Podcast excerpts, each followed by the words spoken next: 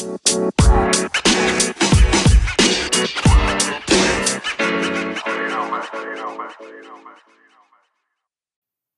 okay, back again with the Journal of Criminology Indonesia podcast. Iya, udah lama ya. Enggak sih gue doang yang udah lama enggak Eh, siaran ya. gue juga. Udah Baru kita sekali. berdua nih ya. Osin Gerald jadi OG ya, original udah lama enggak siaran gitu ya. Kemarin-kemarin yang siaran kan Momot dan Yani gitu ya. Iya. Yang lebih berbobot gitu ya. Kalau kita kan ya inilah ya. Agak-agak konten nyampa populer. nyampa. Ah, ya itu nyampah itu. Kalau bahasa bagus sih konten populer lah ya gitu. Cuman kali ini kita agak kontennya kita agak berat sedikit nih karena karena udah ada di apa namanya acara kita ini seseorang pengamat media kalau gue bilang ya apa ya pengamat media kalau gue mengenalnya sebagai pengamat media sih ya dari dulu Hmm. dari dari waktu kuliah itu yang gue tahu beliau itu sebagai pengamat media gitu Tapi Walaupun sekarang udah walaupun ya jadi udah naik tingkat Ya. dia udah jadi kurator seni udah segala. punya banyak kesibukan lain selain itu tapi itu yang banyak yang gue tahu adalah pengamat media langsung aja kita perkenalkan Sid ya ini dia Hmm. dengan Mansur Zikri apa kabar Zikri Yeay. Halo, baik. gimana lagi sibuk apa nih Lagi sibuk ngerancang program selama COVID. Wih, ngeri sekali. kan ya Sangat nggak produktif. produktif kan yang lain-lain apa sih ngapain sih di rumah ini yang satu ini ngerancang program program Nah, apa tuh itulah. Zik? boleh tahu Ya buat ini program kegiatan di galeri tempat gue kerja sekarang. Ah, Galeri apa di Galeri kalian promo. tutup sama COVID. Heeh. Nah, tapi gimana caranya eh, galerinya tetap beroperasi walaupun eh, nggak ada pengunjung ke galeri gitu. Karena kan dia tertutup untuk umum sekarang Hmm. secara fisik. Jadi ya Hmm. harus bikin program kegiatan atau program acara yang sifatnya non fisikal. Oh. Oke, berat sekali ya. Udah jangan berat-berat. Ayo Gi, kita ngobrolin yang ringan aja lagi. Anjir? Enggak, itu namanya curation from home ya. Itu jadi Eh, kurasi, curation from galeri tapi dari rumah, dari remote gitu kan. Keren. gue kayaknya anaknya nggak nyeni banget. Gue kadang kalau nonton apa postingan Zikri tuh gue nggak paham oh, ini apa ya apa ya. Nggak nyeni banget gue anaknya berarti. Tapi anyway, kita sekarang ngomongin sesuatu yang katanya nggak tahu dimasuk seni apa enggak ya. Tapi sering, tapi gue rasa sering banget uh, muncul ya, sering banget muncul di feed YouTube kita misalnya ya. Yang paling gampang sering muncul di feed YouTube kita. Dan sekarang ini mulai menimbulkan huru hara karena Hmm. satu dua kasus banyak sih kasusnya ya cuman yang paling benar-benar eh, bikin trigger itu ada satu dua kasus itu yang tentu saja ini adalah yang kita sebut dengan prank atau Prank. apa ya prank itu ngisengin ya bahasa Indonesia apa ya padanannya ya Eh, Prank itu. jahil, jahil kali ya jahil. jahil ya menjahili gitu ya Menjahili, kayaknya. tapi ini kan bedanya kalau menjahili ini di apa dijadikan konten kemudian di udah di apa namanya disiapkan dengan segala dengan matang gitu ya Hmm. dengan banyak ini udah ada kameranya udah ada senario nya bakal gimana apa bagaimana gitu kan udah itu dan kemudian diupload gitu dan kemudian biasanya Ya. menimbulkan masalah benar gitu ya Zik ya Hmm. biasanya oh kayak gitu bedanya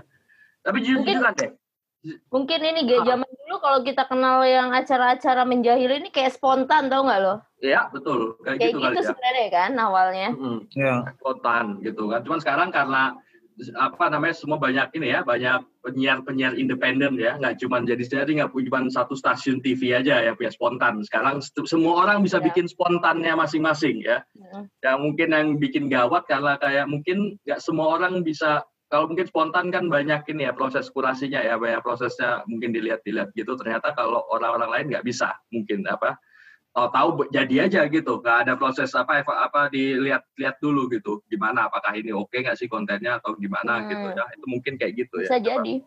Kalau menurut Magic gimana, Hmm. Jik? Prank-prank yang beredar sekarang ini loh. ya kalau menurut gue sih harus dipahami konteksnya sih. Eh, prank yang selama ini kita kenal itu kan itu udah udah mengalami apa ya eh, perubahan makna yang sesungguhnya ya gara-gara kerja media juga. Hmm. Tapi kalau kalau misalnya ditelaah secara praktiknya prank itu dulu munculnya bukan bukan sekedar kejahilan tapi itu kejahilan politik. Hmm. Kalau apa teman-teman yang fokus di apa kajian-kajian cultural studies gitu atau sosiologi atau seni itu misalnya eh, yang yang hobi membaca guide board gitu itu pasti akan akan tahu sejarah prank itu dulu dimulai dari dari gerakan apa eh, disebutnya situasionis internasional hmm. jadi sebagian anggota dari gerakan situasionis internasional itu menggunakan kejahilan sebagai apa eh, bahasa propaganda eh, itu dari tahun 50-an sebenarnya hmm. yang yang mereka mengintervensi kerja media massa atau memunculkan kehebohan, kepanikan spontan di jalanan gitu. Uh, apa kaitannya dengan bagaimana gerakan anarkisme juga me merambah uh, persoalan wilayah media massa gitu. Dan dan itu dilakukan memang ada tujuan politik kebudayaan gitu. Tapi, Tapi kalau yang sekarang yang sekarang yang yang kita perhatikan misalnya kayak dari acara spontan dulu waktu gue kecil tuh hmm. spontan hmm. ya kan di TV atau yang sekarang populer di YouTube itu prank-prank itu uh, sosial eksperimen itu itu kan udah orientasinya udah berubah uh, statementnya kemudian statement entertainment gitu bukan lagi statement uh, apa uh, kultural jadi uh, ya tergantung bagaimana kita memaknainya fungsinya gitu. Kalau misalnya fungsinya sebagai entertaining ya ya sekedar sebagai hiburan. Tapi kalau dia punya fungsi yang lain diniatkan sebagai fungsi yang lain ya dia menjadi sesuatu yang yang perlu dilihat secara signifikan gitu. Karena dia bagian dari bahasa budaya sebenarnya. Tapi apakah saat awal kemunculannya itu gerakan prank itu emang kayak gitu? Konteksnya emang menjahili atau sebenarnya gerakan gimana sih? Kayak apa gitu maksud gue? Hmm Ya kalau kalau kita melihat uh, konteks aspek kultural dari prank ya, ya tentu kita harus melihat dari inilah dari uh, wacana yang dibangun sama situasi internasional gitu. Uh, kan salah satu doktrin dari situasionis internasional itu adalah teorinya Guy Debord itu ngomongin tentang spectatorship itu uh, apa spectacle society. Jadi dia memang ngomongin situasi di mana masyarakat udah hidup dengan uh, apa uh, uh, media media massa gitu. Jadi ngomonginnya tentang spektakel, bagaimana masyarakat itu menjadi masyarakat tontonan, masyarakat yang menonton, yang ditonton, bukan hanya dalam konteks uh, televisi, tapi juga bacaan, surat kabar, dan sekarang konteks sekarang tuh media sosial yang yang yang lebih berlipat ganda kan situasi ketertontonannya gitu. Nah konteksnya memang di situ dan prank itu cuma salah satu bahasa, salah satu metode yang dipakai oleh uh, kaum situasionis internasional gitu. Ada ada banyak uh, bahasa-bahasa artistik maupun bahasa-bahasa politik yang dilakukan uh, para pegiat di situasionis internasional gitu. Tapi prank itu salah satunya. Jadi bercanda itu sebagai bercanda yang politik gitu. Dia hmm. dia dilakukan dilakukan memang ada tujuan politik kulturalnya, bukan sekedar untuk menghibur. Sama sama kalau misalnya kita melihat uh, konteks kemunculan asli dari komedi itu kan sebenarnya gerakan politik. Hmm, Cuman dia di, dia kemudian dikomodifikasi oleh industri, oleh kapitalisme menjadi hiburan kan. Nah, itu yang sekarang beredar di masyarakat kita gitu, yang beredar di YouTube. Dan dia apa ya? mengalami simplifikasi secara esensi. Itu yang harus disadarin.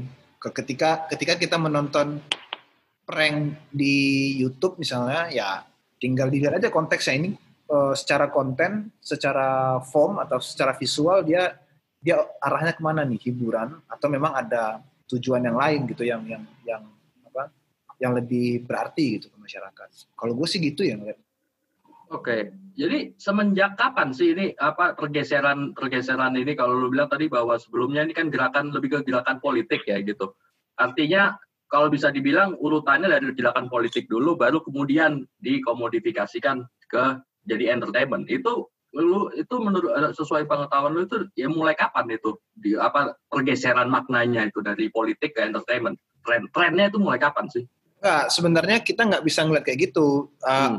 Apakah disebut bahwa situasi prank lebih dulu ada sebelum prank yang prank yang populer? Nggak begitu juga Hmm. Karena semuanya beriringan. Itu sama kayak kayak gimana dulu kalau misalnya di bidang gua sekarang itu dalam konteks sejarah lu ngomongin film ya antara film yang sifatnya tujuannya sosial politik sama film yang industri itu kemunculannya bareng gitu.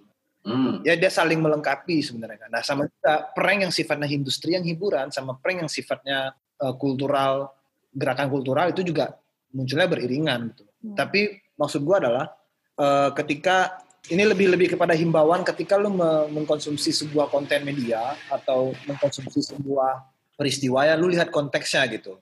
Nah, gua gua mau gua mau sharing bahwa ada loh sebenarnya dalam dalam konteks sejarah kebudayaan di dunia itu ada prank yang yang yang memang sifatnya lebih signifikan secara kultural yaitu contohnya adalah situasi prank di sekarang juga masih banyak prank-prank yang yang oke okay gitu maksudnya uh, kalau misalnya kita ngelihat yang lebih kontemporer gitu di era-era tahun 2006-an 2006 2007 kan di YouTube juga sempat tersebar tuh apa kemunculan apa uh, 2006 atau 2007 ya gue lupa Pokoknya hmm. ini deh yang pas mulai-mulai awal populernya flash mob. Oh, oh iya iya. Okay, ya. Nah, flash mob kan juga bagian dari prank, ya kan, hmm. memberikan kekagetan, keterkejutan di publik gitu. Nah, flash mob itu juga awalnya awalnya flash mob itu malah ini eh, kampanye industrial gitu.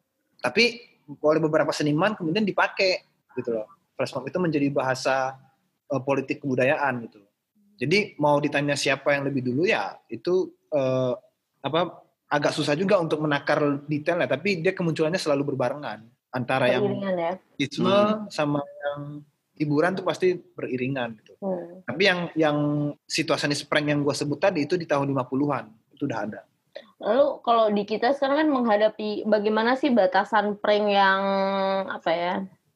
Bahkan sekarang kayak beberapa orang tuh udah ditangkap polisi gitu kan. Nggak cuma yang kali ini kayaknya sebelum-sebelumnya juga pernah ada tuh prank-prank. Terus ada juga yang mendapat hujatan hujatan secara sosial gitu. Kalau menurut gue kalau dihujat secara sosial itu oke okay lah gitu kan. Terserah orang mau merespon apa pun gitu oke okay lah gitu. Mau positif mau negatif ya sudah gitu. Kayak yang ngeprank ojol yang kayak gitu ya sudah gitu menurut gue. Tapi ketika ranahnya dibawa ke uh, sistem peradilan pidana itu kan jadi beda cerita. Nah gimana maksudnya gimana ya e, batasan atau apa nih yang kok bisa si prank ini yang awalnya cultural, yang awalnya ini bisa sampai jadi bahan yang bisa di yang bisa diajukan ke sistem peradilan pidana gitu.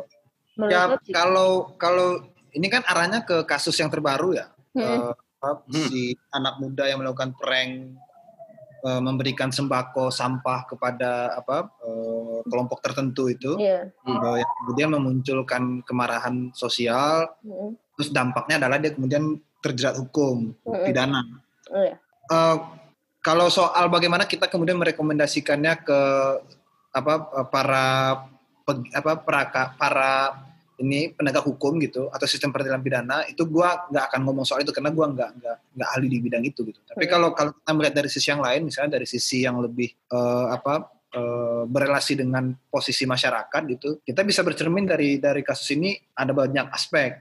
Aspek yang pertama adalah yang pasti itu kasus ini menandakan bahwa kuasa negara semakin kencang terhadap publik gitu loh. Maksudnya kan uh, alasan hukum yang dipakai adalah karena uh, undang-undang ITE kan, hmm. yang yang yang pasal berlapis terhadap si pelaku kan. Hmm.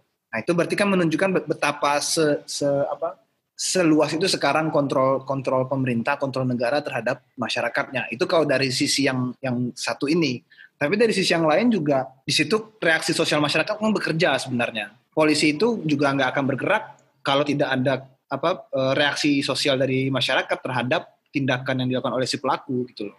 Nah, pertanyaannya sekarang eh, mana yang lebih kuat pengaruhnya gitu loh, eh, masyarakat atau hukum? Pertanyaan yang kemudian adalah ketika masyarakat kuat dan mempengaruhi hukum, apakah masyarakat yang bereaksi itu adalah masyarakat yang sadar hukum atau masyarakat yang sadar tentang apa itu keadilan? Kan itu pertanyaannya sekarang. Nah, kita tidak bisa memaafkan tindakan pelaku dalam konteks prank sembako sampah itu gitu loh. Tapi eh, apa yang dialami oleh pelaku sekarang ketika dia masuk ke ke apa ke ranah hukum itu juga harus diwaspadai juga gitu loh. Apakah tindakan apa apakah yang dia alami sekarang sebagai pelaku pidana itu sepadan eh, apa layak di, dia terima sebagai pelaku atau justru itu berlebihan gitu loh. Karena kan prank seperti ini juga sebenarnya eh, gua pribadi melihatnya hukum sosial itu sudah cukup gitu loh. Tapi kalau sampai ke wilayah ranah pidana, gue juga bingung uh, pada bagian mana dia kemudian dianggap sebagai tindakan yang uh, sangat merugikan gitu. Uh, kalau dia akhirnya sampai meracuni mungkin iya. Tapi kalau tindakan pranknya sendiri, gue rasa uh, perlu dikaji ulang lagi sih, gitu loh. Hmm. Karena kalau kalau misalnya kita komparasikan dengan dengan apa konten-konten prank yang lain juga banyak yang lebih ekstrim menurut gua. Ya betul itu. Tapi terlepas dari konteks prank, gua pribadi menilai tindakan si pelaku itu itu keterlaluan memang. Dan dan apa ya? Nah di aspek yang lain misalnya kita kita melihat uh, mengukur moralitas dari kontennya gitu. Prank itu sah-sah aja melakukan uh, apa bercandaan yang sangat ekstrim. Tapi di samping ada tindakan bercanda yang ekstrim itu kan ada apa ya ada unsur kebencian yang dibangun oleh si pelaku dalam kontennya kan. Dia membangun stereotip masyarakat terhadap uh, kelompok tertentu. Nah itu yang justru justru menurut gua harus dikritisi gitu. Dia cuma menggunakan alasan bulan puasa untuk menghakimi uh, kelompok tertentu yang dalam, dalam konteks ini adalah waria uh, dan dan dia mem, mem, menggunakan itu sebagai pembenaran tindakan pranknya gitu. Dan itu kan efeknya ke publik jadi salah kaprah nanti gitu. itu itu itu perlu dikritisi menurut gua dan dan dia pribadi juga dan, dan gue pribadi juga melihat si pelaku ini juga apa ya maaf, maaf kata goblok gitu loh. Karena mencari mencari mencari konten prank sebanal itu juga menurut gue secara secara bahasa kreatif ya nggak nggak nggak nggak nggak canggih gitu. Jadi ya cukup apa ya problematis sih persoalan itu sebenarnya. Tapi maksud gue ketika kita memang menyetujui bahwa si pelaku itu perlu dihukum, jangan sampai itu mengikis kritisisme kita terhadap bagaimana sebenarnya itu juga mencerminkan kontrol negara yang sangat besar ke masyarakat sekarang lewat undang-undang itu. Itu perlu dikritisi juga sih. Jadi nggak bisa apa ya nggak bisa nggak bisa di satu sisi harus harus objektif banget melihat melihat kasus itu menurut gua. Hmm. Oh itu benar-benar ya langsung analisis yang berlapis itu ya. Jadi nggak cuma nggak cuma ini aja. Jadi mungkin orang sekarang ngeliatnya cuma marah aja mungkin ya mengatakan ini gitu dan malah ya benar juga kata dia. Mungkin orang-orang yang akhirnya marah itu juga akhirnya malah jadi mengamini bahwa ketika muncul footage bahwa apa cuplikan bahwa si pelaku itu di ini ya di apa namanya mendapatkan disiksa atau apa gitu ya kekerasan hmm. waktu ditangkap itu mereka malah nyukurin gitu ya artinya ya si penonton ini juga akhirnya melakukan kekerasan juga kali ya kalau kayak gitu gitu jadi uh, secondary victimization ya. ya. gitu. Tapi mana apa menarik juga nih kalau kata Zikri ini gue juga mau bacain beberapa ini ya community guideline-nya dari YouTube ya. Yang hmm. di mana ini adalah ini kan apa namanya? Uh, ini adalah platform yang digunakan si pelaku prank itu untuk upload upload ininya ya, apa namanya pranknya itu. Dan kata Zikri tadi itu bahwa sebenarnya banyak banget yang lebih ekstrim dari itu. Nah ini gue bacain hmm. beberapa hal yang yang dilarang ya, lagu-lagu dilarang di YouTube gitu. Pertama nudity or sexual content ya. Hmm. Jadi uh, apa konten seksual, kemudian telanjang, harmful, ya. telanjang telanjangan lah ya, telanjang telanjangan, telanjang beneran sih kalau udah oh, iya, nudity iya, iya. ya. Gitu. Harmful or dangerous content ya, jadi konten-konten yang berbahaya mungkin ya ini kayak juga beberapa challenge-challenge yang bahaya-bahaya gitu kali ya. Ada ini hateful content. Nah, ini hateful content ini mungkin termasuk nih yang di kasus ya. prank kita ini ya. Ya enggak ya? Hateful hmm. content, Dia violent kebencian terhadap kelompok tertentu. Ya, betul. Kira-kira gitu ya. Hateful content, violent or graphic content. Ini hmm. juga bisa dibilang kekerasan juga ya ke si orang-orang itu. Harassment and cyberbullying, spam, misleading metadata, scam, threat, ya, ancaman, kemudian copyright, privacy, impersonation, child safety sama ada beberapa additional policies. Nah ini menyambung kata-kata Zikri ya. Kalau gua rasa ratusan ini ya konten-konten SPM melanggar ini semua gitu. Nah kata-kata Zikri bahwa banyak yang lebih ekstrim sebetulnya dari ini ya. iya iya. Ya, Tapi gitu. menarik tadi kalau Zikri ngangkat masalah apa ya uh, uh, menyulut kebencian gitu kan kita sebenarnya punya pasal sendiri untuk itu. Tapi yang lucu bahwa uh, si pelaku ini dikenainya justru ini UU ITE sama uh, perbuatan melawan hukum karena dia sempat hmm. kabur. Nah, yang perbu yang UU ITE-nya itu gue baca sih dia pasal 45 which is di ayat 3 itu dia ngasih tahu bahwa dia menyebarkan, memproduksi uh, konten yang bermuatan penghinaan atau pencemaran nama baik. Itu memang pasal paling ini ya, paling karet lah kalau menurut kita. Gampang banget. Pas penghinaan gue ngatain lo body shaming juga terus gue rekam di videoin. Itu bisa juga kalau lo ngelaporin gue itu Iya. udah penghinaan dan pencemaran nama baik. Betul. itu kan jadi agak susah juga tolak ukurnya. Ya dari dari dari awal juga undang-undang ITE itu udah udah Iya. bermasalah. Kita harus kritis sama itu sebenarnya. Maksudnya terlep, bukan dalam arti membenarkan atau mengampuni tindakan si pelaku video, tapi di balik itu sebenarnya ada wacana kritikal yang harus kita angkat gitu. bahwa betul betul eh, oknum atau eh, pihak dari sistem peradilan pidana itu punya kontrol terhadap society sebenarnya terhadap masyarakat. Iya. Tapi Itu jangan lupa ini kasus ini ada eh, kasus ini jalan karena adanya laporan dari kelompok Iya. minoritas yang merasa Nah, terhina. Ah, ya. Jadi kalau nggak ada laporan sebenarnya mungkin bisa jadi hanya mendapatkan sanksi sosial terus ditangkap dan minta maaf aja udah selesai gitu kan. Tapi kan ternyata dia kabur segala macam segala macam. Dan Toh tapi yang, di- yang, yang lebih lebih bodohnya lagi kan si pelaku itu eh, tadi apa tadi gue sempat baca-baca untuk refresh lagi tuh Mm-mm. Dia sempat mengeluarkan video baru kan yang minta maaf tapi bohong itu kan. Iya betul Hmm. betul Lebih- itu tak bisa dimaafkan. Lebih konyol lagi sih maksudnya. Iya. Ya maksud maksud gue gini ber- berkaca sama peristiwa ini sebenarnya maksudnya kalau kita kaitkan dengan dengan kajian kriminologi di Mm-mm. di ranah prevention apa prevention crime gitu Hmm. eh, ya betapa pentingnya itu social based prevention gitu Eh, tentang kalau misalnya ini kemudian dianggap sebagai tindakan yang bisa bisa kepleset ke wilayah pidana gitu kemudian berujung-ujung pada kasus pidana betapa betapa pentingnya ada kebijakan sosial yang memang menaruh menaruh concern yang besar gitu terhadap eh, fenomena teknologi media baru gitu. Ya maksudnya lu lu sekarang bisa ngelihat di di media massa gitu ketika presiden nanya ke anak SD lu mau jadi apa? Dia jawabnya saya mau jadi youtuber pak. Itu kan Ya. menandakan bahwa kalau misalnya kurikulum pendidikan kita nggak nggak nggak berubah gitu nggak nggak menaruh posisi YouTube misalnya atau media sosial itu sebagai bahan pembelajaran utama terkait dengan pendidikan moral dan perilaku gitu ya bisa jadi kayak gini nih gitu tindakan yang awalnya dikira nggak mungkin pidana ternyata bisa pidana loh gitu Mhm. tapi kan gua gua rasa pelaku itu dia bisa kepleset akhirnya ke melakukan tindakan yang seperti itu kan karena tidak mempunyai wawasan yang yang baik terhadap penggunaan teknologi media semacam YouTube gitu. loh. Dia gua gua juga merasa nggak mungkin mungkin dia nggak akan waktu itu dia nggak mengira akan seperti ini gitu loh dampaknya. Yang yang bisa menyebabkan kebencian yang meningkat dan akhirnya bisa memancing pertikaian dan akhirnya jadi kayak lapor melapor kan. Ya. Ini ini menarik nih tentang masalah pembuatan konten ya. Eh, menurut Zikri gimana nih? Masyarakat kita tuh sekarang kayak apa ya? Kayak eh pingin banget Ya. jadi terkenal gitu. For Jadi the sake of publicity itu content. kayak bener-bener bener-bener suatu capaian hidup gitu. Jadi Iya. waktu itu gue pernah baca di Twitter bahwa dia juga sempat nge-tweet atau stories gitu yang bilang gue Hmm. akan please retweet atau something like that gitu lah ya sampai berapa ke polisi. Iya, akan menyerahkan ke polisi.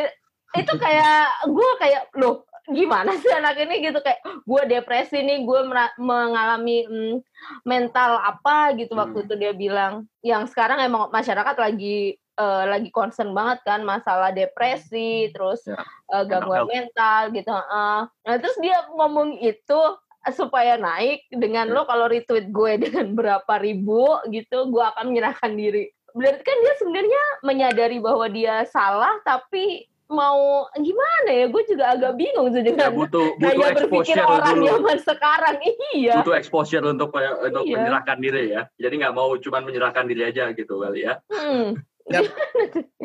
orang zaman sekarang untuk- hasrat untuk tampil itu kan kebutuhan dasar manusia sebenarnya. Hmm. Eh, ya di zaman sekarang hasrat itu di, difasilitasi dengan sangat mudah gitu. Yang difasilitasi dengan sangat mudah dengan fasilitas yang jauh lebih baik dari zaman-zaman sebelumnya gitu loh.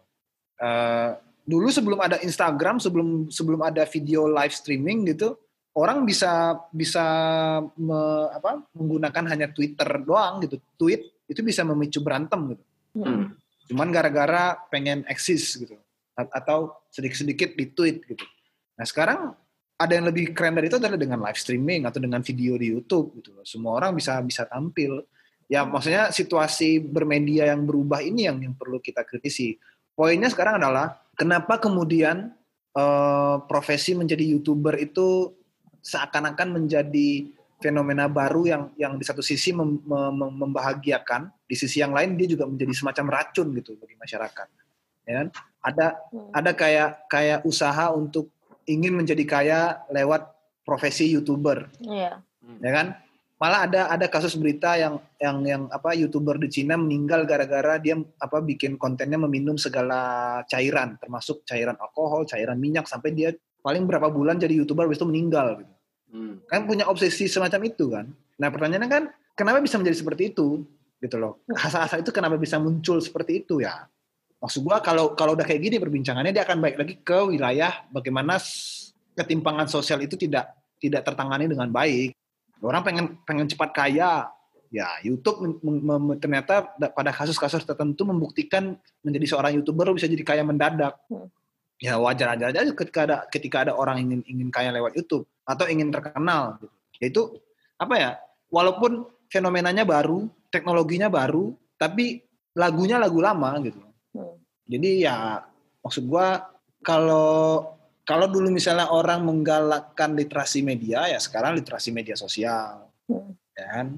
Sekarang aja lagi Covid orang semua mendadak daring gitu. Iya. Semua Ya. diskusi dibikin live ya kan. Kita juga ini. Ini kita lagi daring juga. Ya, gua hampir semua peristiwa diskusi atau apa dibikin live streaming ya kan. Tapi lu nyadar nggak sih dalam dalam kondisi live streaming itu ada disinformasi sebenarnya gitu. Ya kan? Pengalaman orang juga ber- akan berubah dari yang awalnya mendengar langsung sekarang orang mendengar dimediasi oleh teknologi media sosial. Yang awalnya mendengar jelas sekarang orang harus mendengar dengan distorsi-distorsi online gitu kan, distorsi-distorsi Hmm. internet. Mm-mm. Pertanyaannya apakah itu kondisi yang lebih buruk atau kondisi yang lebih baik atau hanya kondisi yang berbeda aja? Yang gua sih nggak bisa menjawab ya, tapi Hmm. kita harus sadar pada perubahan itu. Ya, orang kalau mau terkenal dulu ikutnya kompetisi AVI dan Indonesian Idol ya. Sekarang orang tinggal bikin YouTube bisa. Hmm. Ketika ketika itu dilakukan tanpa kesadaran wawasan yang tepat, ya dia jadi jadi malapetaka. Tapi sebenarnya ya, eh ini nggak cuma buat Zikri sih, gue juga menanyakan pendapat lo nih. Kita Ya. berpendapat bareng-bareng lah. Ya. Sebenarnya terjadi pergeseran respon nggak sih dari struktur sosial kita merespon masalah publisitas gitu? Iya, kayak Ada kita beda nggak sih? Atau sebenarnya kita sama aja kayak dulu, cuman karena ada media jadi kayak gampang aja apresiasi atau gimana sebenarnya? Ya, karena kalau menurut gue ya karena sekarang ini sih apa namanya lebih gampang aja ya gitu. Orang dapat nggak apa ada orang dapat nggak biasa nggak biasa di retweet eh, di retweet 20 kali itu orang nggak ada yang merasa senang gitu kan. Dengan cara gitu ya apalagi kalau misalnya kontennya viral lah atau apa itu segala macam ya mungkin lebih ini kan mungkin gue sering dengar ke omongannya ini si orang-orang tua gue bilang katanya kalau zaman dulu mau jadi terkenal susahnya minta ampun. Zaman dulu tuh susahnya minta ampun. Ya. Bener-bener. lo harus benar punya skill. Lo you, you have to you have to have something gitu ya. Apa sih? Lo yang bisa bikin lo terkenal. Sekarang ini orang bisa terkenal kalau gampang aja lu ngencingin MRT aja. Misalnya lu ngencingin MRT lu upload di Instagram jadi terkenal lu. Ya walaupun cuma sehari kan. Walaupun cuma sehari jadi lu terkenal gitu. Hmm. itu sih yang paling gue ini ya yang concern gue di situ itu terkenal orang yang penting terkenal dulu gitu. Persoalan Hmm. ini nanti nanti aja gitu apa caranya gimana atau akhirnya seperti apa gitu kan. Balik lagi tadi soal respon tadi itu nggak semuanya juga masuk penjara juga kan gitu kan. Tinggal bikin klarifikasi tiga menit bikin video klarifikasi tiga menit selesai masalah ya. Besok besok bikin konten lagi dapat adsense lagi dapat duit lagi ya kan? Gitu nggak masalah gitu. Yang penting terkenal dulu ya, terus minta maaf. dulu gitu. Minta maaf minta maaf juga bikin tambah terkenal loh. Minta maaf bikin tambah terkenal nambah lagi kan? Ya enggak gitu. Eh, itu yang gue pikir sih? ya gua pribadi sih jadi selalu ingat apa dulu tuh kalau gua kuliah di UI itu di semester berapa ya? Gue lupa ada tuh belajar sama Prof. Adrianus apa ya? Hmm? Eh, tentang re- apa eh, efek dari media massa. Itu sebenarnya teorinya teori jadul sih. Eh, namanya narcotizing dysfunction. Oke. Ya kan? Eh, yang menyat pokoknya teori itu berbunyi bahwa masyarakat itu sebenarnya pasif tapi mereka merasa sudah berkontribusi hanya gara-gara mendengarkan berita di televisi. Hmm. jadi dengan mendengar media apa berita di televisi itu mereka udah udah udah apa mengalami semacam apa reaksi tubuh bahwa gue udah berlakukan sesuatu kok gue gua gua peduli politik kok gue peduli ini karena gue simak terus isunya gitu. Mhm. padahal mereka nggak melakukan apa-apa dia di rumah aja nonton TV Hmm. nah itu sebenarnya sama kan hal yang sama juga terjadi di di di, di zaman kita gitu tapi dengan dengan eh, aksi yang berbeda yaitu dengan lu ngomong di YouTube, dengan lu ngomong di Twitter, dengan lu ngomong ngepost di Instagram Stories, lu, lu udah merasa berkontribusi melakukan sesuatu. Gitu. Padahal lu cuman di rumah Hmm. ngepost pakai media sosial gitu. Sama kayak hashtag-hashtag itu ya. Iya, kan sebenarnya ilusi ya. Di satu sisi dia dia memunculkan sebenarnya ada bukti-bukti yang menunjukkan bahwa itu mempunyai efek gitu loh pada Hmm. kasus-kasus tertentu. Tapi kan nggak selalu gitu loh. Ya awal-awalnya hashtag bisa berdampak pada apa pada peningkatan kesadaran terhadap gerakan emansipasi perempuan, tapi kan tidak selalu Me Too, Hmm. ya. Ya.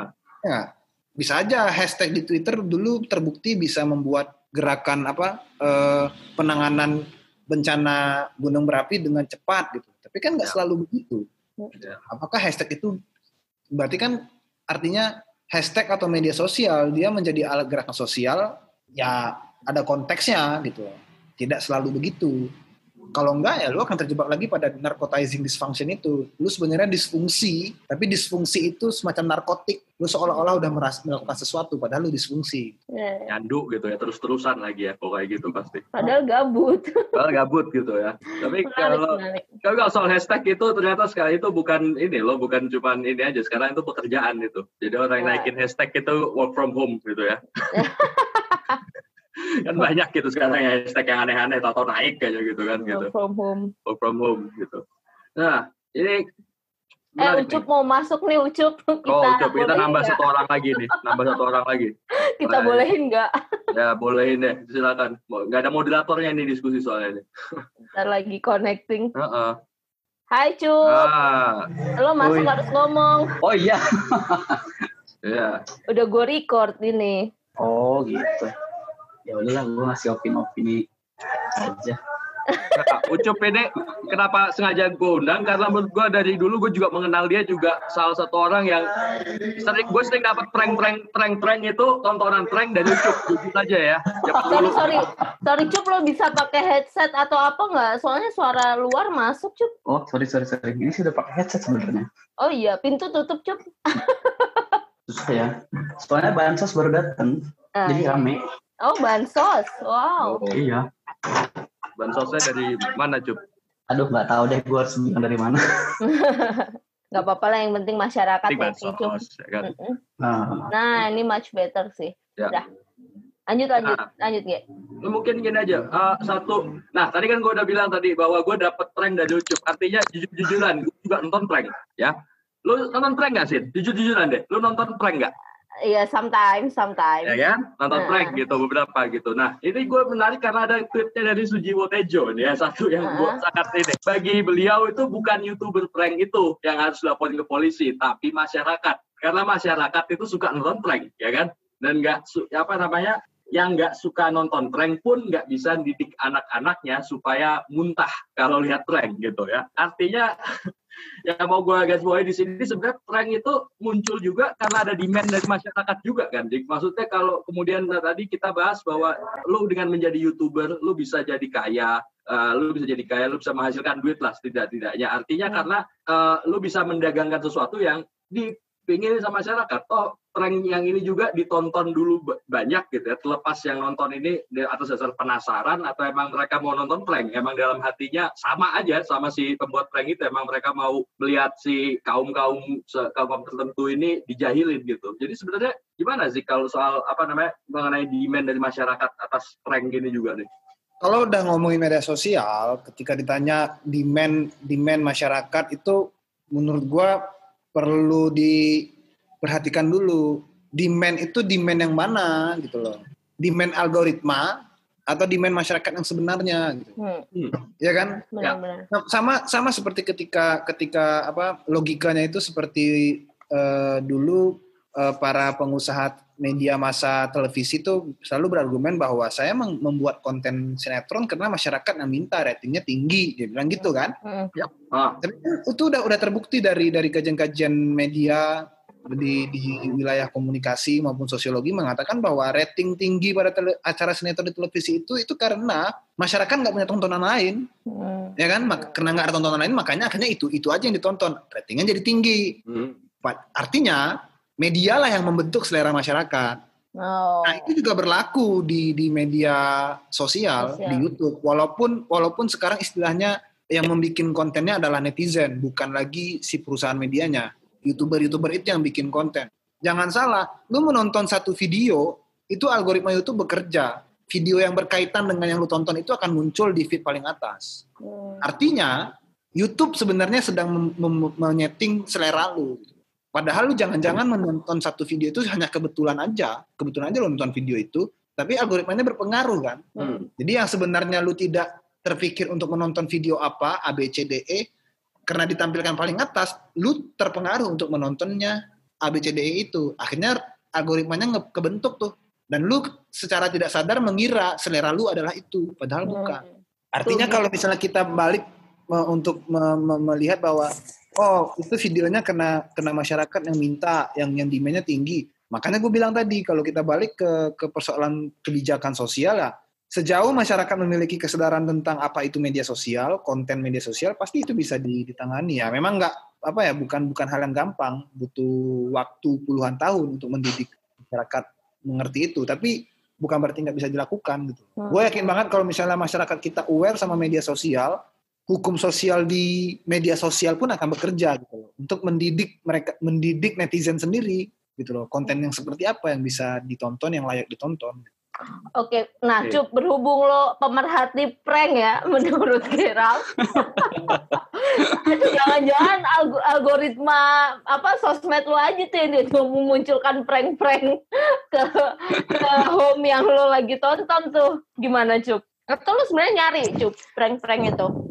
Sebenarnya dibilang nyari sih nggak nyari banget. Ya gue sih Nggak cukup nyari setuju sama banget, yang tapi nyari. Mungkin, ya mungkin kalau sekarang kayak kalau gampangnya deh kita buka YouTube di Android atau di iPhone gitu ya di HP kita gitu ya. Itu paling atas kan suka muncul kayak yang biasa lu tonton tuh kategorinya itu gitu loh. Itu satu. Yang kedua kayak lu scroll aja di beranda ya kesannya tuh video yang berkaitan dengan apa-apa yang lu cari. Iris kuping gua dari 10 orang 10 video yang kepajang gitu ya. Masa iya lu satu atau dua nggak lu klik? Minimal lu tonton berapa detik pasti gitu deh. Lu buka satu video, bawahnya ada video-video lagi lu lihat pasti lu scroll lah minimal lu lihat video-video yang ditampilin sama komen-komennya gitu loh ya itu secara nggak langsung ya lu ke arah gitu loh Itu jadi itu kalau nyari iya nyari oke logika yang kayak gitu tuh udah udah dikritisi banget itu tentang YouTube itu dikritik habis-habisan sama apa eh, para pemikir eh, kiri Hmm. Hmm. Eh, apa isunya itu kalau kalau dulu orang ngomonginnya apa das kapital eh, sekarang eh, i- i- apa eh, logika yang sekarang itu adalah big data itu kan Hmm. Bahwa perusahaan semacam Google gitu ya itu adalah kapital paling bangsat gitu loh sekarang ini dia dia menipu kita gitu dan dan jangan jangan, jangan salah apa fenomena tentang kebencian terhadap kelompok tertentu di Amerika itu salah satu pemicunya adalah YouTube Oh. Ya. Hmm, Tapi Cup lo menikmati Cup prank-prank kayak gitu tuh Cup.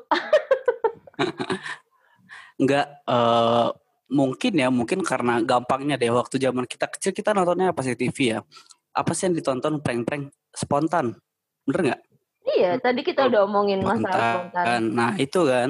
Ya udah jadi menurut gue sih yang masih cukup layak ya mungkin menurut gue sampai batas ya kayak mirip-mirip spontan ya. Mungkin kalau udah sekarang ya kalau kita nonton spontan mungkin kayaknya agak-agak udah agak-agak nggak apa ya kurang bisa diterima lah ya. Karena kan sekarang juga yang merhatiin bukan cuma orang yang nonton gitu loh. Hmm. kalau kayak zaman dulu lu nonton nonton TV nonton spontan katakan. Habis itu lu ketemu di sekolah nih iya gue semalam nonton spontan. Udah that's it gitu loh. Cuma ngomongin sama temen lu di sekolah temen lu di tempat ngaji. Kalau orang-orang di uh, pemukiman ya udah ngomongin sama tetangganya. Iya tuh sinetron apa segala macam nah sekarang kan orang nonton wah itu yang lagi viral. Lu nge-forward lu nge-share lu nge-forward lu nge-share. Kayak gitu. Jadi banyak yang memperhatikan gitu loh. Jadi menurut gue ya udah ya menikmati sih tapi sudah harus berubah ya nggak udah nggak bisa menurut gue kayak gitu. Yang kalau yang sampai yang kayak kemarin yang kasusnya si Bedan Paleka ya enggak lah gila kali kalau ada orang menikmati itu menurut gua kacau sih. Itu udah offended banget sama tapi menurut gua ya ada yang lucu sih. Yang masalah si Ferdian Paleka sampai ada netizen tuh yang ngomong nge-tweet sih ya. Dia bilang gila gara-gara video satu orang eh, tiba-tiba semua orang peduli sama transgender, semua orang peduli sama waria gitu kalah pejuang progresif mana pun maksud gua bukan masalah itunya anjir. Ini masalah kemanusiaan lu aja gitu. Lu satu kondisi lagi corona kayak gini kayak semua orang penghasilannya susah apa apa susah. Terus lu kayak ke mana-mana lagi dibatasi. Terus lu keliling-keliling cuma demi konten anjir. Dan konten lu menyakiti orang gila. Di mana letak dinikmatinya. Iya, jadi ya berarti ini ya apa namanya nggak mesti nggak mesti. Sebenarnya bukan demand juga gitu ya. Artinya al- al- algoritma emang udah di ini aja lu disodorin. Jadi terjadi fenomena yang sama aja kayak TV ya. Ya channelnya itu itu aja gitu. Nah tapi sih kalau misalnya gue bilang kalau misalnya kalau di apa eh, orang apa namanya orang berkilahnya kalau di YouTube itu bilangnya katanya lebih banyak tontonan gitu. Lu bisa pilih lu mau nonton TED Education atau mau nonton si Ferdian itu kan misalnya gitu kan gitu. Nah itu ini nggak sih apa namanya masih berlaku juga nggak sih kalau dibilang katanya kita disodorin gitu.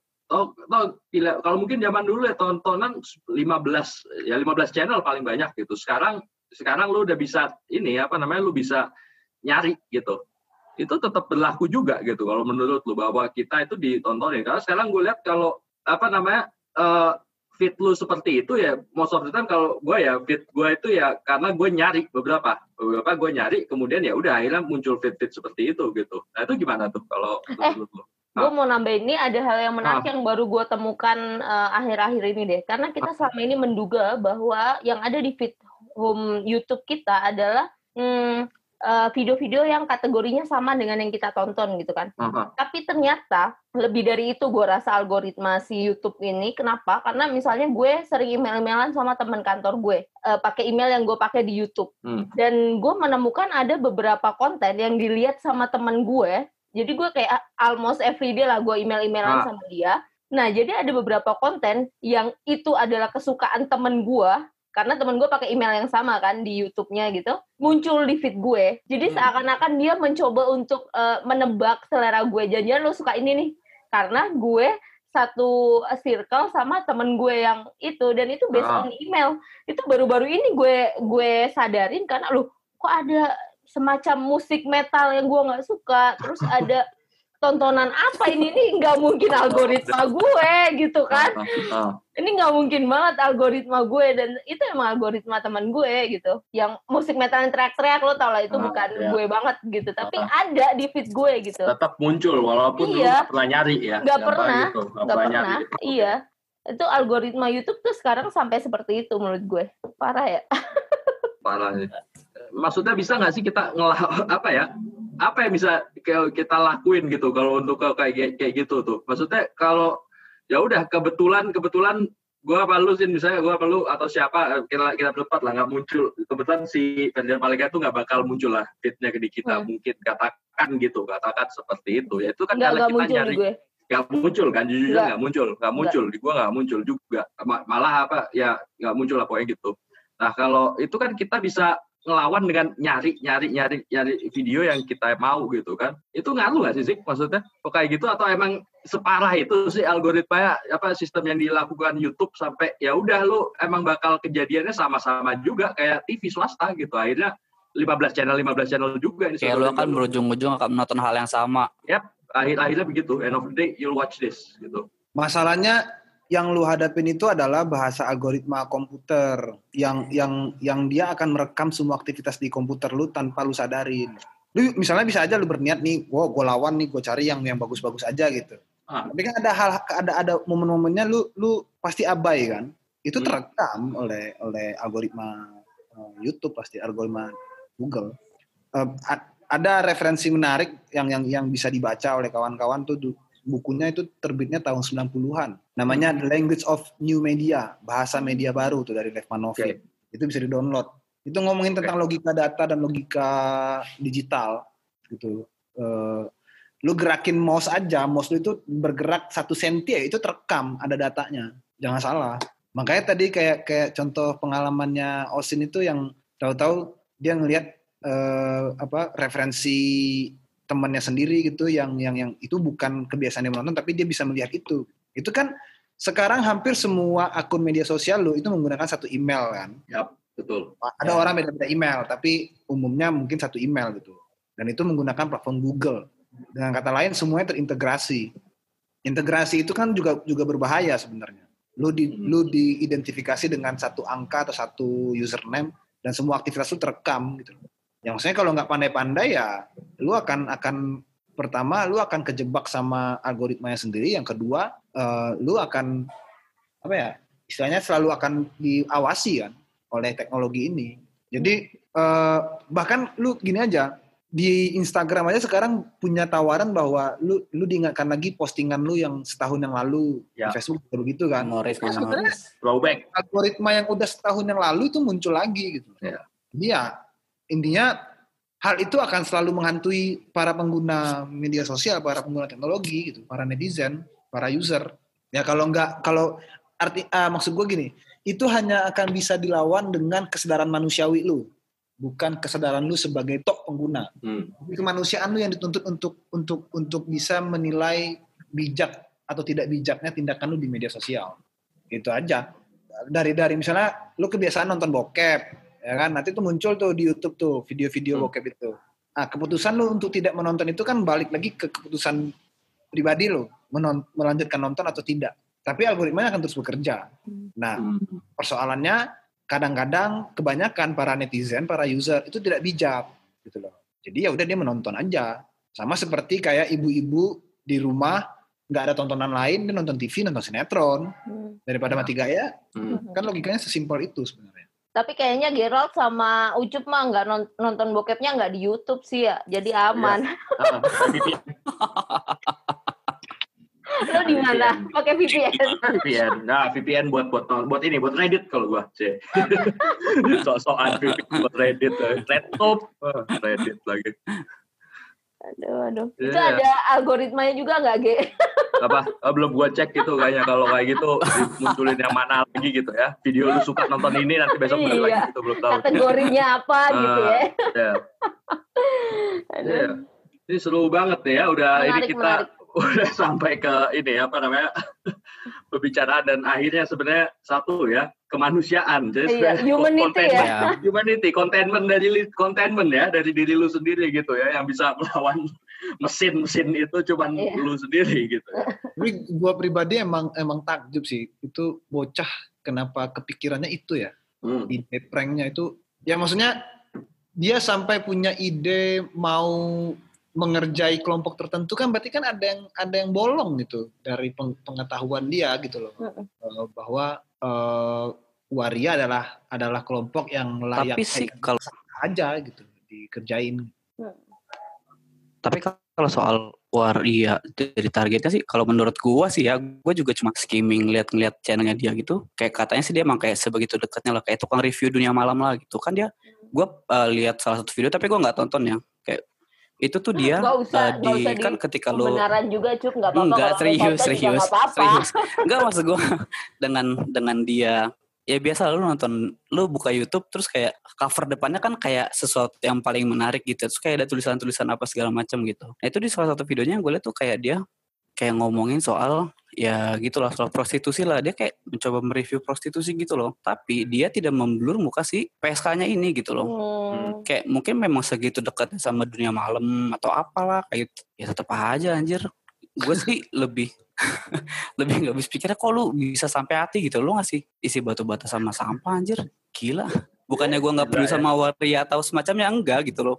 Peduli peduli gue cuma terlepas targetnya mereka tuh gila. Itu lu ngasih itu ke orang biasa pun tukang sapu jalanan deh bener. Gue juga pasti kesel gitu loh. Ya di, di ending videonya kan dia ngasih ke bocah-bocah kan? Nah iya. Itu dua kaum dua kaum vulnerable dalam satu ini ya. Langsung dihajar sama dia. mungkin Sama. mungkin saat memilih siapa korbannya dia dia udah merasa bahwa "Wah, ini akan naik nih konten gue. Pasti akan gitu karena em, kayak tadi kan dia memilih PSK dia memilih itu memilih calon korbannya itu dia udah merasa bahwa gue oh ini akan naik nih konten gue yang ini gitu. Menurut gue ya. Iya. tindakan tindakan merugikan hanya gara-gara konten tuh gila itu. Apa pun konten. mungkin mungkin dia belajar bahwa apa yang terjadi pada orang-orang yang sebelumnya mereka tidak dipenjara, Jik. Jadi mereka kan hanya meminta maaf secara umum, secara ya publik lah. Terus ya Klarifikasi, udah ya. fine. Video gitu. klarifikasi, surat pernyataan, materai enam ribu selesai. Iya, ya, mm, tapi kan masalahnya ini ada yang lapor nih kelompok tertentu Iya. yang merasa dirugikan, ada yang lapor, jadi nggak cukup untuk minta maaf, lupa dia. Iya. Tapi sih kalau ini ini ya sih ada nggak sih emang kecenderungan orang untuk memproduksi konten kekerasan gitu itu ada nggak? Apa nak pertimbangan-pertimbangan lu? Mungkin ada nggak? Pernah nggak kenal sama uh, kenal atau punya pengalaman sama orang-orang yang emang hobinya bikin konten-konten ngaco gitu? Mereka kenapa sih mereka bikin begitu itu sebetulnya Ucup tuh? kali, ucup tuh temennya Apa? ucup kali. ya kan lu kenal lucu juga mungkin ya? Ya mungkin juga gitu. Tapi kan, Soalnya ucup sangat menikmati konten-konten aneh tuh. ya ada sih alasan selain ya mau ditonton aja gitu gue mau terkenal aja atau ini aja gitu ada nggak em, kenapa sih mereka masih mereka bikin gitu tuh gitu pernah nggak lu punya pengalaman ngomong ngobrol sama mereka gitu misalnya Ya kalau misalnya secara konten misalnya kalau kayak gua gitu di wilayah kesenian, Hmm. memang yang namanya violence itu sering di, diambil sebagai apa eh, dasar dari kontennya. Memang violence itu kemudian dieksploitasi sebagai permainan estetik gitu. Eh, dan kalau misalnya apa si pembuatnya atau kreatornya memahami apa itu apa eh, cara mem- apa ya mengolah bahasanya dia menjadi sesuatu yang baik gitu. Hmm. Tapi persoalannya gini, kalau udah ngomongin kerana itu, misalnya entah itu kekerasan, entah itu ketelanjangan, itu kan ini ya, lu lu perlu paham konteks budaya di mana lu berada. Hmm. Di barat lu bisa ngomongin telanjang dengan bebas karena persoalan ketelanjangan di situ sudah selesai gitu. Gak Hmm. mungkin lu itu lu nggak mungkin lu menggunakan bahasa ketelanjangan di timur atau di Indonesia diserbu FPI lu Wassalam. ya kan jadi artinya dalam posisi misalnya kayak kayak kayak diskusi ini sering tuh terjadi di di di kalangan seniman seniman tuh selalu kalau kalau dalam konteks seniman dia akan berpikir gua membuat konten ini untuk masyarakat atau untuk gua pribadi kan itu. Hmm. kalau untuk kalau dia kalau kalau dalam berkaryanya dia mem- mem- mempertimbangkan etika mempertimbangkan bagaimana masyarakat akan mengkonsumsinya dia pasti akan lebih bijak. Oh di Indonesia nggak boleh ngomongin ketelanjangan gitu loh. jadi gua nggak boleh pakai bahasa telanjang dengan banal. Gua harus dengan cari harus cari cara yang lain. Nah sama aja. Kalau lu kalau kalau kita misalnya eh, baca gitu eh, apa kayak gerakan apa beberapa gerakan besar di sejarah seni dunia itu selalu beberapa manifesto mengatakan bahwa estetika paling indah itu adalah kekerasan Hmm. violence gitu. Hmm. Tapi kan mereka ada konteks teoritiknya yang besar, ada ada konteks eh, apa sejarah kultural mereka yang dibangun puluhan tahun gitu loh. Hmm. Yang yang itu udah selesai semuanya gitu loh. Ketika itu di- dikeluarkan di publik ya biasa-biasa aja. Gue yakin prank yang kayak tadi itu kalau lu lakukan di luar mungkin nggak akan sebegitu efeknya. Di sini Ah. beda lagi gitu. Yep. Kan? Jadi ya kalau ditanya kemudian kenapa orang suka menggunakan keke- apa me- mengeksploitasi kekerasan atau pornografi misalnya sebagai konten ya itu kebutuhan dasar manusia gitu. Lu kalau misalnya belajar kita sejarah-sejarah komunikasi gitu munculnya media massa juga pasti itu yang kalau bukan kayak koran kuning tuh yang laku tuh adalah peristiwa pembunuhan, kriminalitas atau pornografi gitu. Ya. Orang penasaran manusia tuh ingin ingin apa ya punya Hmm. hasrat ingin tahu gitu. Nah, kekerasan sama pornografi itu mem- memenuhi hasrat itu. Jadi wajar-wajar aja sih. Tapi kan tinggal bagaimana lu mengolahnya gitu loh. Nah, di kasusnya si video yang ini nih, yang prank ini ya nggak dia nggak canggih cara mengolahnya. Nggak elegan gitu lah ya. Ya, ya, ya. Nggak main cantik. Cara masaknya aja yang kurang prank yang ekstrim, tapi kalau lu pandai gitu eh, mengolahnya, dia bisa menjadi sesuatu yang justru mencerdaskan. Kalau ini kan apa ya? Ya kalimat kasar dari gua ke konten itu adalah konten yang bodoh gitu. Hmm. Bodoh sekali itu kontennya. Iya, iya. Ini menarik banget obrolan kita kali ini tuh sebenarnya bisa jadi insight buat eh, teman-teman yang masih kuliah loh di Ah. kriminologi bahwa ternyata prank, eh, art, seni itu sebenarnya sangat berelasi dengan pornografi dengan kekerasan seperti Iya. yang Dikri bilang itu bisa jadi bahasan se- tersendiri buat tugas atau kalau mau serius ya buat skripsi, buat tesis Iya. ya? Iya, udah jarang. Terakhir kali si Zikri ini aja yang bikin soal kekerasan ini ya, kekerasan dalam film ya kayaknya. Terakhir kali gue gue ngubek-ngubek lagi belum lihat lagi. Tuh. Terakhir kali Zikri ini yang buka deh. Jadi kalau kalian yang dengar ini tolonglah bikin lagi ya, tolong gitu. Iya, iya. Apalagi kalau ini ya YouTube kalau seandainya emang niat banget bisa dilihat juga sebenarnya yang jadi trending itu di YouTube itu kategori-kategori seperti apa itu juga bisa jadi bahasan sendiri. Apa benar seperti hipotesis Zikri bahwa dia mengikuti bahwa Hmm. eh, pornografi terus kekerasan itu sering kali dia ada di dalam trending kita gitu di YouTube Iya. trending Indonesia apa benar kayak gitu atau enggak itu kan bisa aja dicek. fenomena YouTube ini jadi dan youtuber ini juga menarik sebenarnya untuk diteliti gitu. Gua nggak tahu apakah di apa eh, perkembangan karya-karya akademik, karya-karya ilmiah di kriminologi UI itu fokus ke YouTube atau media sosial. Gue belum pernah dengar sih. Hmm. Kalau ada teman-teman yang punya inisiatif untuk melakukan itu, itu pasti menarik banget.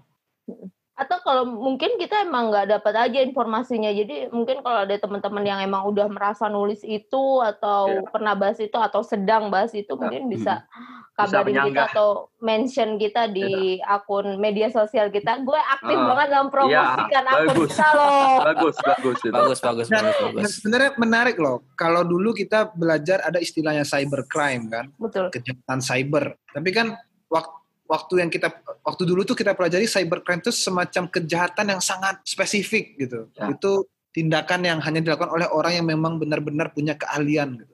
Hmm. Cybercrime. Oke. Nah, lu bayangin peristiwa seperti YouTuber yang baru-baru ini itu kejahatan jalanan loh itu sebenarnya. Street Hmm. crime, tapi terjadinya di online.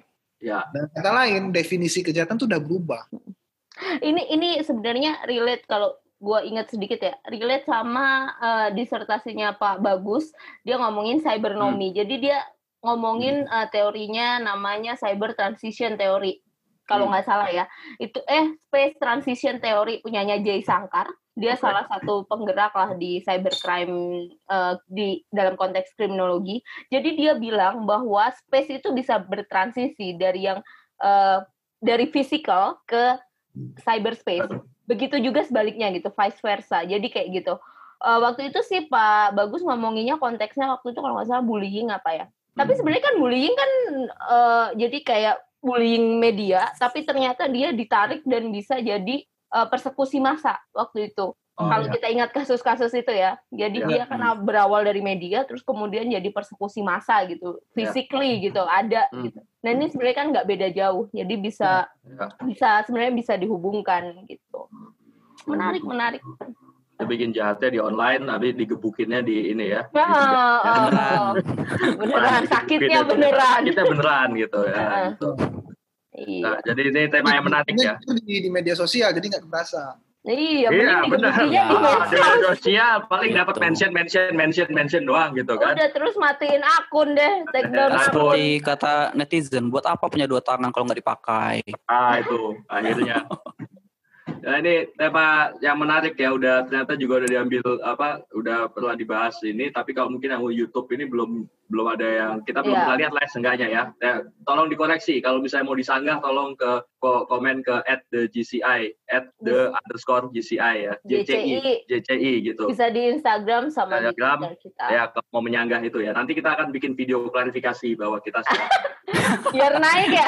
naik lagi Oh, nanti. kita ternyata- nanti kita bikin uh, bikin satu episode lagi soal ya, apa klarifikasi gitu. Tapi nggak ini beneran kalau mau ada ini ya kita juga memacu orang-orang supaya punya kreativitas bikin skripsi yang beda gitu ya. Hmm. Jangan tunggu jangan tunggu Zikri S2 abis itu bikin tesis soal itu juga gitu lagi ya. Karena kan dia udah bikin soal apa, Emang emang kekerasan Zikri mau S2 krim. ya itu bisa jadi kan. Kata Zikri masa ya gue lagi nih. Ya, itu. Oke. Kayaknya kita udah cukup panjang nih ya. Ah, banget. Jadi mungkin- oh, panjang banget nih. Mungkin ada ini nggak patah dua patah lagi Zikri dari Closing ada statement advice, ya, statement udah ya. kayak Ah, ini gue. top of mind ya, top of mind closing statement gitu. Apa yang mau dikasih mungkin petuah atau apa gitu advice buat soal-soal kayak gini nih. Zikri, Zikri. Hmm. Ya kalau dari gua sih itu aja buat para youtuber kalau bikin prank yang yang yang, yang canggih sedikit, jangan yang bodoh. Itu kasus yang Simple, ya? itu emang konyol banget, konyol banget parah. Iya. Simple kan sebenarnya jangan bodoh aja gitu ya. Iya, belajar Ya. dulu yang bener gitu, baru bikin ini apa ya? Gua kan gua gua nonton semua video tuh bocah akhirnya. Hmm. Gua buka ini ya channelnya. Waduh. Ya akhirnya dari dari pola kontennya kelihatan ya memang tendensinya tendensi ingin tenar aja. Hmm. Secara konten juga nggak ada yang nggak ada yang apa ya bermanfaat juga. ya. Berfaedah. Nggak ada nggak ada yang oke lah gitu. Pengen tenar lah. Cuman memamerkan wah gua anak berani nih bisa begini begini. Gua malah sempat berkomentar gitu ngobrol sama Maria. Wah ini mah bocah nggak jago berantem nih. Kalau jago berantem nggak mungkin. Cara berantemnya cyber mungkin ya. ya masa cukup banget. Lanjut lanjut. Cup cup lo closing. Eh sebenarnya Ucup ini adalah salah satu member of the GCI Ya, tapi ini- dia nggak pernah muncul. Tapi kalau nggak ada dia, kalian nggak bisa dengar. Jadi, Ah. ya, jadi tolong ini nanti tolong didengerin juga ya ini untuk dia apa namanya audio man. ya audio man dan Audio teknik. man. Di- direktur direktur teknis ya kita Nah, cerita. Eh, Ya, jadi direktur. segala kekacauan audio yang kalian dengar tuh ulah saya, udah gitu Ya, aja. pokoknya kalau kalau ada klesek-klesek suara agak gaung-gaung gitu ya ini dia orangnya ini nanti. Itu bukan kesalahan Ucup, ketidakmampuan Ucup mengedit. Iya, tidak mau- Kesalahan mah berada di para anchor. Ya, ah, betul. Tapi ketidakmampuan ed- apa editing Ucup untuk membersihkan suara itu itu ya itu ketidakmampuan. Ya, gitu. Ntar gue bikin video minta maaf deh. Kok lu jadi video minta maaf belum? Kita belum naik. Lo closing statement dulu aja.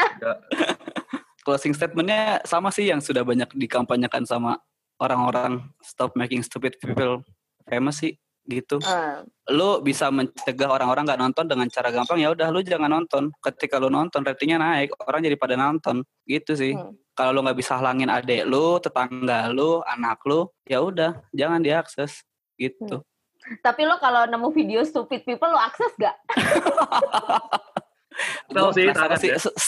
itu kayak apa sih itu? Stupid Nah, itu itu. kayak apa? ya itu, itu berkontribusi satu view. Tapi kan yang gue tonton rata-rata sekarang sih ya jujur ya gue tonton tuh biasanya CCTV atau enggak ada yang dari apa action cam action cam yang Iya, orang-orang tiba-tiba ribut di usah jalan. klarifikasi di, eh, Cup nggak usah klarifikasi nggak Nah, apa-apa, nggak apa-apa. Kita belum cukup besar untuk jadi-jadi Udah nggak usah nggak usah klarifikasi, klarifikasi gitu. nggak usah. Ya gitu aja sih. Jadi mungkin ini aja ya. Ingat kata Zikri tadi jangan bodoh gitu. Kalau seenggaknya kalau bodoh ya diedit dulu lah gitu kan. Itu kan prosesnya Iya. panjang ya kalian ya sampai ke sampai kepada apa namanya di laptop layar-layar laptop dan di layar handphone kita prosesnya panjang ada editing gitu. Jadi kalau ada yang bodoh itu ya tolong dipikirin lagi lah jangan diedit di cut gitu lah gitu aja sih palingnya. Oke, Oke, thank you semuanya Oke. udah dengerin kita Ah, ngobrol. Oke. thank you untuk Mansur Zikri ya. Terima Thank kasih you, banyak Zikri. satu jamnya yang sangat apa sangat berharga ini Berharga. dibalik bahwa ah, dengan Bikin kesibukan program. beliau dengan program untuk COVID ini ya. Ya good luck ya Jik Good luck, Zikri, ini untuk lo. Oke, sip, thank you. Ya, Thank you so ya, much. Thank you, thank Thank you you. Cup. Thank you, Cu. Closing, Thank you. Oke, ya udah. Closing. Oke, ya udah itu aja apa sekian dulu episode kali ini soal prank dan eh, dan yang ber- yang relate dengan prank Sosial itu media. sosial media ya. Jadi jangan lupa untuk apa berkontribusi untuk apa membuat kita jadi lebih baik lagi juga. Jadi Oh, oh. ya itu yang kita inginkan itu loh maksudnya yang kontribusi itu bukan kita nggak nyari exposure gitu ya kita nyari lebih baik gitu jadi kalau dimension itu kita pengen kalian apa menyanggah atau apa ya ada Setuju. feedback atau apa gitu setuju gitu eh setuju kayaknya ini deh sih kalau setuju itu kan ini ya kalau gue lebih nyari yang nggak setuju gitu Nggak seru ya. nggak kalau setuju ya udahlah gitu kalau setuju Eh. setuju, oke ya gitu kalau Istilahnya kalau di email jangan oke notet oke notet aja gitu. nah, itu, itu. Oke, noted. Ya udah oke Eh, Jangan jangan lupa, lupa di follow, follow. apa namanya Instagram kita at the at THE THE. underscore GCI atau Twitter juga at underscore the GCI dan oke sampai jumpa di episode episode selanjutnya. Dah. Ah.